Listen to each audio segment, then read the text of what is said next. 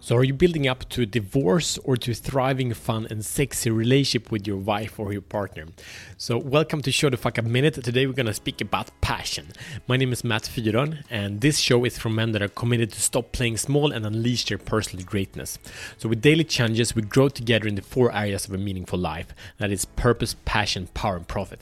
So, the problem is that the likelihood of you and your wife in the busy life that's going on with the external stress, internal stress, family stuff, jobs or lack of jobs or finances and all these things, the chance you're on the same page is basically zero that leaves us or like we are never on the same page not even with ourselves right? So we are not never with 100% with another person and that leads to separation. And and what happens then is we need to assume instead of verify. And then in the business of the day where it can go you know long time before real deep uh, meeting and experience of feeling seen and heard that's so important especially for women but also for us. It leads um, to a place that we're like she doesn't know what's going on uh, and you come from a place where you not connect with intention.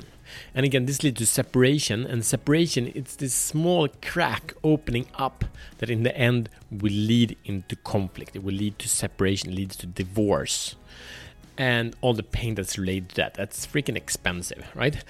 And and emotionally expensive and people not meeting their the kids anymore. We don't want that right? So what's the solution here? This is super powerful. You'll be amazed by the impact this will have on your wife. So the solution is this tell her. Tell her. So, you know, I, I'm showing up in so many ways for my wife on a, on a daily basis, but still, I, I just experience when I tell her things, how it actually, she's like, she gets shocked. and, and I, I, make a big effort at it, right? So here, here's your mission should you choose to accept it. Uh, number one, text your wife or your partner daily this is a text message. It could be a, a note. It could be an email. It could be whatever. But have it in text. And this is a message of appreciation. It, it's not a com- it's like you're wonderful and could you do this shopping? No, it's it's no question. It's no, it's nothing to give back. It's to come from a place of authenticness, of appreciation of what is true that you like. In terms of gratitude, recognition, or love, and or love, it can be all three of those and and you don't want anything back. It's not to get laid. It's not anything. It's just like she's in your life. Maybe you've been fighting. Be grateful that she's there. Be grateful that you know you had a good time last week, or I just thought back on you know our uh, wedding day or whatever it is.